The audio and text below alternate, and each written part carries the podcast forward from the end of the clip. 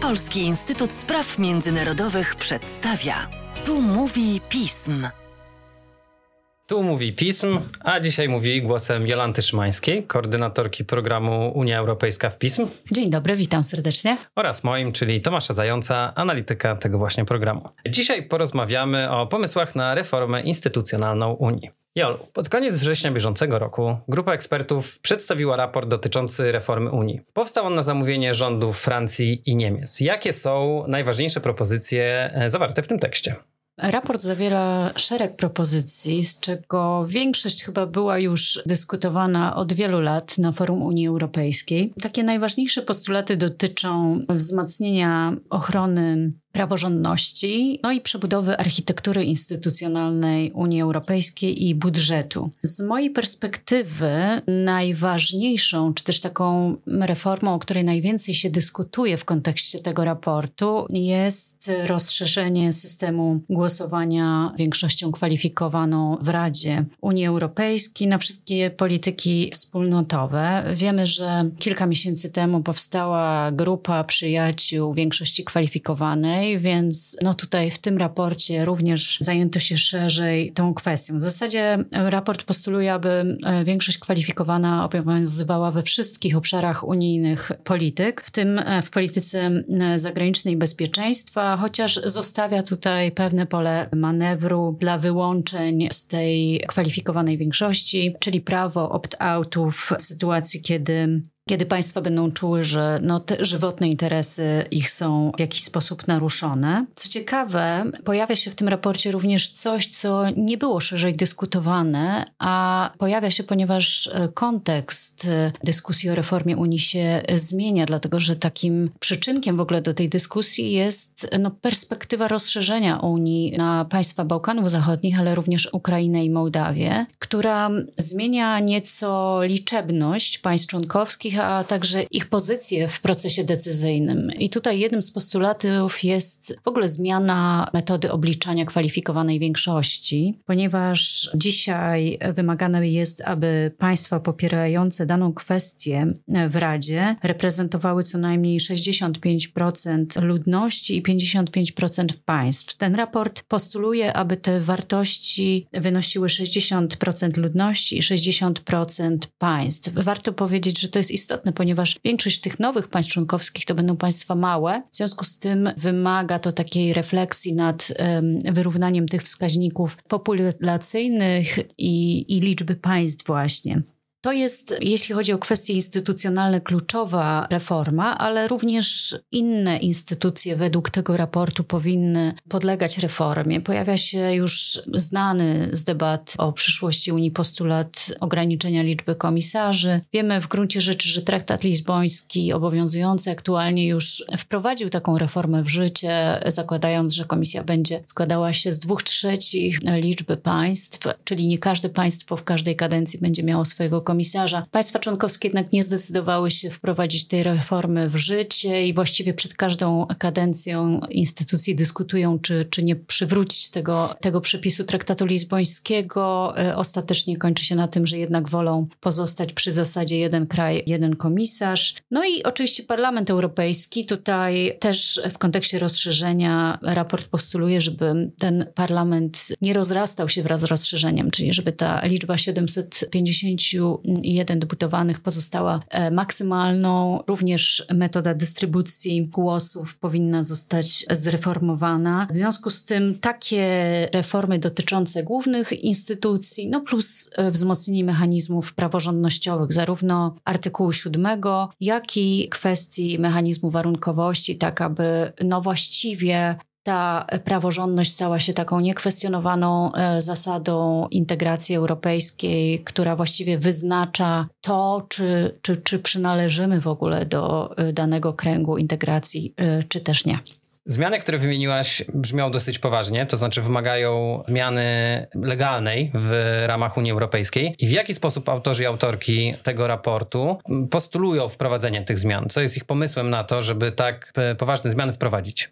Autorzy zakładają, że te zmiany, które wymieniłam, zostaną wprowadzone poprzez rewizję traktatów i właściwie nie przesądzają, w jaki sposób one się dokonają. Właściwie wskazują na swój preferowany scenariusz, czyli taką pełną zmianę traktatów, uwzględniającą konwent i, i całą tą procedurę rewizji traktatu, ale zdają sobie jednocześnie sprawę z tego, że w obecnych uwarunkowaniach może być to proces no, niemożliwy. Właściwie wiąże się z takim otwarciem puszki Pandory i, i wielu e, i ekspertów, i polityków straszy, że taki proces mógłby się zakończyć dla Unii no, jakimś wielkim chaosem i, i, i, i wielkimi konfliktami. W związku z tym dopuszczają również zmiany częściowe traktatu, dopuszczają również scenariusze, w których e, zmiany traktatowe będą dokonywane poprzez traktaty akcesyjne, ponieważ to jest również prawo pierwotne, traktat akcesyjny i tutaj też można dokonać pewnych zmian.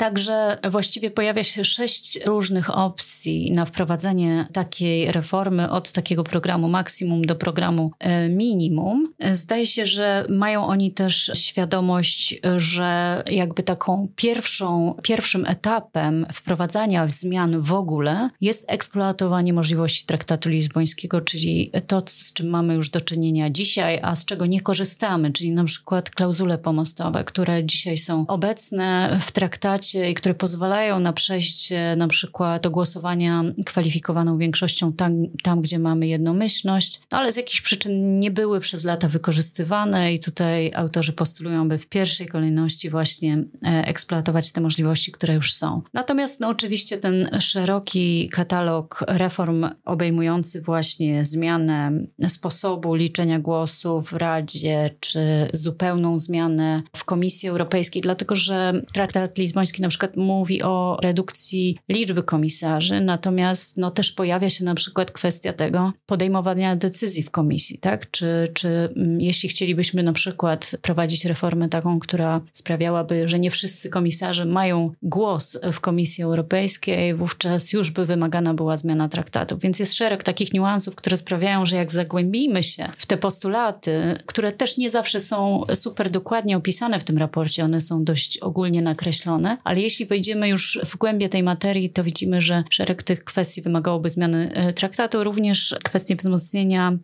rządów prawa, ten artykuł siódmy choćby, tak, traktatu, to jest coś, co e, wiemy ma swoje ograniczenia, co w zasadzie było e, przetestowane. Jeśli chcielibyśmy zmienić sposób podejmowania decyzji w procedurze badania naruszenia prawa, wówczas musielibyśmy zmienić ten artykuł siódmy, czyli już zaingerować w prawo traktatowe. Także to zależy oczywiście od scenariusza. Właściwie autorzy wszystkie opcje pozostawiają otwarte. Wydaje mi się, ponieważ uczestniczę w eksperckich dyskusjach na ten temat, że taki takim priorytetem, przynajmniej dla Francji i Niemiec, e, na dzień dzisiejszy jest właśnie odejście od, od głosowania jednomyślnością, a właściwie od takiego instrumentalnego traktowania tej jednomyślności, czyli odejście od sytuacji, w której jedno państwo szantażuje inne swoim prawem weta, ponieważ no, z takimi przypadkami mieliśmy do czynienia i to blokowało, paraliżowało proces decyzyjny. To też sprawia, że ta polityka staje się taka bardziej transparentna transakcyjna, tak, że państwo małe, które nie może walczyć o swoje postulaty w danej dziedzinie, wykorzystuje to jako taką, taką dźwignię po prostu e, w dyskusjach na inne tematy w politykach europejskich, czyli grozi wetem, aby uzyskać poparcie dla swoich innych postulatów w innych obszarach polityki. Więc to jest coś, co w pewien sposób razi, co razi również państwa zachodniej Europy w kontekście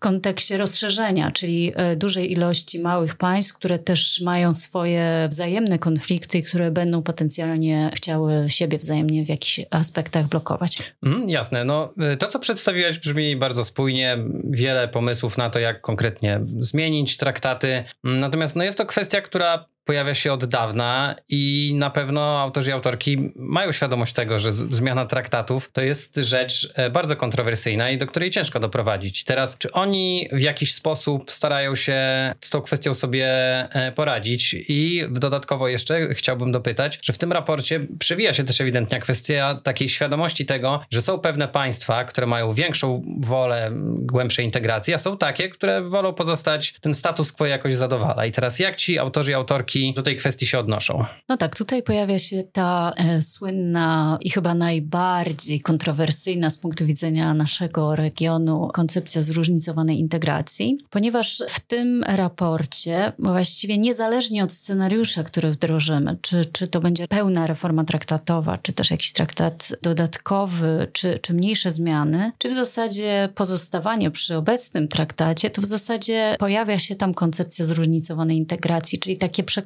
że niezależnie od scenariusza reform Unia będzie coraz bardziej e, zróżnicowana, dlatego że te poziomy czy chęć integracji różnych państw jest bardzo różna e, w różnych obszarach. E, w związku z tym pojawia się tam koncepcja takich czterech kręgów integracji, taki wewnętrzny, ściślejszy krąg, który właściwie skupia się na państwach strefy euro i strefy Schengen, które dodatkowo integrują się w innych obszarach na zasadzie koalicji chętnych. E, drugim kręgiem jest Unia Europejska w takim dzisiejszym kształcie, tudzież wraz z nowymi członkami, którzy takiego pełnego członkostwa chcą zaznać. E, trzecim kręgiem jest e, krąg państw stowarzyszonych, a czwartym Europejska Wspólnota Polityczna. Co ciekawe, jako jakby taki element dostępu do trzeciego kręgu autorzy wskazują właśnie przestrzeganie praworządności, co wskazuje, że również w rozmowach z państwami na temat rozszerzenia, no ta kwestia praworządności będzie odgrywała kluczową rolę. No i w zasadzie y, państwa, które nie przestrzegają praworządności,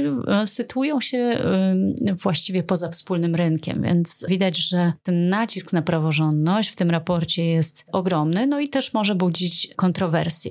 Co ciekawe, mam wrażenie, że oprócz tego, że kwestia praworządności oczywiście w wielu państwach budzi kontrowersje, to samo zróżnicowanie już nie budzi aż takich wielkich emocji, jak budziło kilka lat temu. Dlatego, że mm, po pierwsze, samo zróżnicowanie jest e, w pewnym kryzysie, dlatego że te elementy zróżnicowanej integracji, jak strefa Schengen czy PESCO, no nie rozwijają się aż tak mocno, jakbyśmy chcieli, a nawet jeśli chodzi o na przykład strefę Schengen, to mamy tutaj elementy cofania się w integracji, dlatego że dzisiaj standardem są y, kontrole na granicach wewnątrz strefy Schengen. Także widać, że ta integracja w ramach koalicji chętnych, czy dodatkowa, tak to nazwijmy, przeżywa jakiś tam swój kryzys. To po pierwsze. A po drugie, myślę, że gdzieś w wielu państwach, w tym również w Polsce, dojrzewa właśnie przekonanie, że jeśli ta Unia będzie tak wielka, czyli to będzie Unia 35 państw, no to nie ma takiej możliwości, żeby te wszystkie państwa szły równo w równym tempie i że to tempo integracji będzie się zmieniało. Natomiast wydaje mi się, że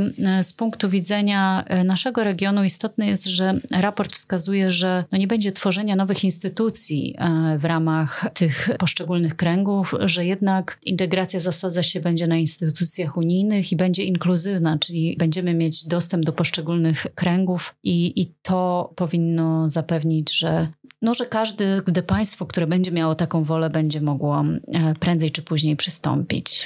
Chciałem y, dopytać jeszcze o tę zróżnicowaną integrację, bo tak mi się wydaje, że można te propozycje z tego raportu interpretować w taki sposób, że to jest y, próba pokazania takiego scenariusza, co by się stało, gdyby jednak nie znaleziono tej jednomyślności do pójścia dalej z tymi znaczącymi reformami instytucjonalnymi, że ma to taką wartość perswazyjną, bym powiedział, y, zamieszczenie w tym raporcie, prawda? To znaczy, tutaj dajemy wam propozycję zmian, natomiast no, jeśli, jeżeli wszystkie państwa nie będą chętne, żeby to zrobić, to zawsze jest możliwość tego, że żeby ci, którzy są naprawdę tym zainteresowani, w tej integracji uczestniczyli. I tak jak o tym powiedziałaś, rozumiem, że masz takie poczucie, że wartość perswazyjna tego argumentu e, nie jest zbyt duża. I właśnie chciałem o to dopytać. Czy uważasz, że, że to w jakikolwiek sposób działa na państwa, które są sceptyczne wobec tych zmian? Czy to nadal jest e, ta wizja tego takiego scenariusza właśnie tej Europy e, wielu prędkości? Czy to ma jakąkolwiek wartość perswazyjną? I czy w, w ogóle istnieje szansa wprowadzenia tego w takiej formie, jak jest przedstawione w raporcie?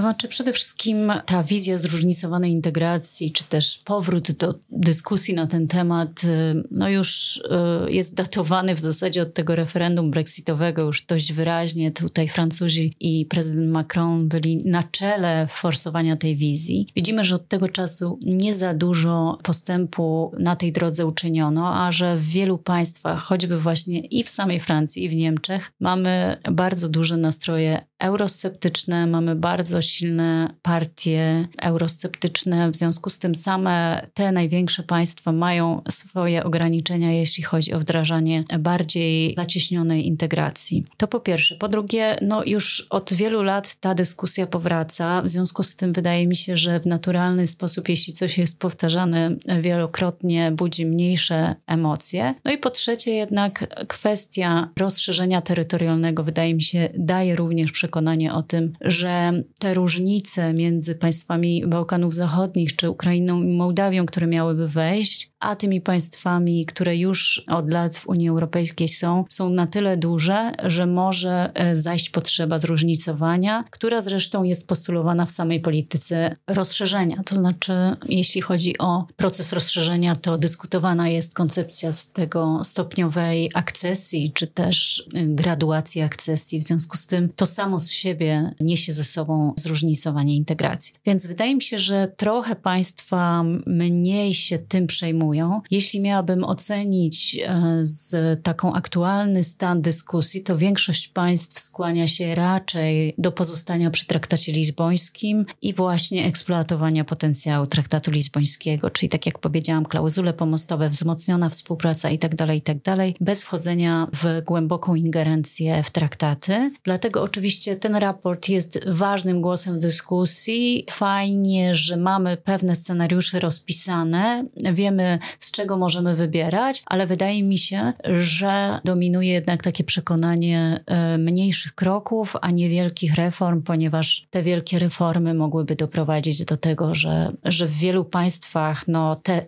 antyeuropejskie ruchy by przejęły kontrolę nad debatą publiczną i w wielu państwach w procesie referendalnym, na przykład taki traktat mógłby po prostu przepaść. W związku z tym wydaje mi się, że będziemy w Unii Europejskiej dążyć w pierwszej kolejności właśnie do tego, żeby jeszcze raz przyjrzeć się, co oferuje traktat lizboński i zastanowić się nad tym, w jaki sposób można te procedury wyeksploatować tak, żeby przyspieszyć proces decyzyjny i żeby zadowolić wszystkie państwa, które w tym procesie uczestniczą. To na sam koniec w takim razie chciałbym jeszcze tylko spytać, bo wspomniałaś właśnie o tym, że jest taka silna tendencja wśród państw członkowskich do tego, żeby raczej szukać tych rozwiązań w ramach istniejącego porządku prawnego. I zastanawiam się nad tym, że no właśnie od 2007 roku, czyli od traktatu lizbońskiego, tak naprawdę nie miało miejsca żadne, żadna żadna większa zmiana, jeśli chodzi o, o traktaty. I jak to interpretujesz? Czy uważasz, że ta stagnacja w zakresie właśnie tej reformy instytucjonalnej oznacza, że ten stan, który jest teraz, nawet jeżeli nie jest idealny, to jest zadowalający dla większości albo nawet dla wszystkich krajów? I po drugie, czy to status quo, który jest teraz, czy rzeczywiście, Twoim zdaniem, w momencie, kiedy nastąpiłoby rozszerzenie, to czy to status quo okazałoby się funkcjonalne? A nie dysfunkcjonalne. To znaczy, czy rzeczywiście poszerzona Unia Europejska byłaby w stanie funkcjonować e, w takim układzie, ponieważ no, dużo się mówi o tym, że jest momentum na zmiany właśnie dlatego, że, jest, że, że będzie rozszerzenie. Że to jest taki moment, w którym e, jakby trzeba naprawdę uświadomić sobie, że to będzie bardzo ciężkie w ramach obowiązującego porządku prawnego. Po pierwsze, chciałam powiedzieć, że każda kolejna zmiana traktatów jest coraz trudniejsza, dlatego że tę zmianę wprowadza większa ilość państw, czyli ten proces akceptacji dla traktatu musi nastąpić w wielu innych państwach. Są państwa bardzo zróżnicowane o różnych poziomach życia, dochodu, różnych polityk i różnych ambicjach, również integracyjnych. W związku z tym każda kolejna zmiana jest coraz trudniejsza i wydaje mi się, że traktat lizboński, jestem przekonana o tym, że traktat lizboński był traktatem, który no, nie był skrojony tylko i wyłącznie na jedno rozszerzenie. On ma w sobie element uniwersalizmu, czyli właśnie pewne procedury, które pozwalają na adaptację instytucji unijnych do potrzeb rozszerzeń kolejnych. W związku z tym są tam mechanizmy, które nie są wykorzystywane w praktyce, a które mogłyby ułatwić funkcjonowanie Unii Europejskiej usprawnić zarówno proces decyzyjny, jak i funkcjonowanie Komisji, Parlamentu i wszystkich instytucji, ale z jakiejś przyczyny państwa członkowskie nie chcą po prostu z tego narzędzia skorzystać. Wydaje mi się, że jeśli nie ma jednomyślności i zgody na wykorzystanie tych elementów, tym bardziej nie będzie zgody na przeprowadzenie reformy traktatowej. Także ja rozumiem momentum i wszystkie inne argumenty, które za tym stoją. Oczywiście wszyscy jako eksperci Unii Europejskiej chcielibyśmy, żeby Unia była jak najbardziej czytelna, transparentna, żeby to wszystko było wprost zapisane w traktacie, bo pewnie ułatwiłoby to nawet nam życie, ale prawda jest taka, że no, ten proces jest na tyle skomplikowany, że wydaje mi się, że to pragmatyczne podejście wykorzystania najpierw istniejących mechanizmów może okazać się bardziej funkcjonalne niż taka ambitna agenda zakładająca właśnie zwołanie konwentu i, i reformę traktatową, dlatego że jak dzisiaj spojrzymy na stolice europejskie, to widzimy, że program reform, który forsowałyby poszczególne stolice, jest po prostu no, skrajnie odmienny często. W związku z tym no, naprawdę szukanie kompromisu w tym aspekcie byłoby niezwykle trudne, więc może lepiej skłaniajmy się do tego, aby bazować na tym, co już jest i próbować wyeksploatować te możliwości. Rozumiem. Bardzo dziękuję za rozmowę. Dzięki serdeczne.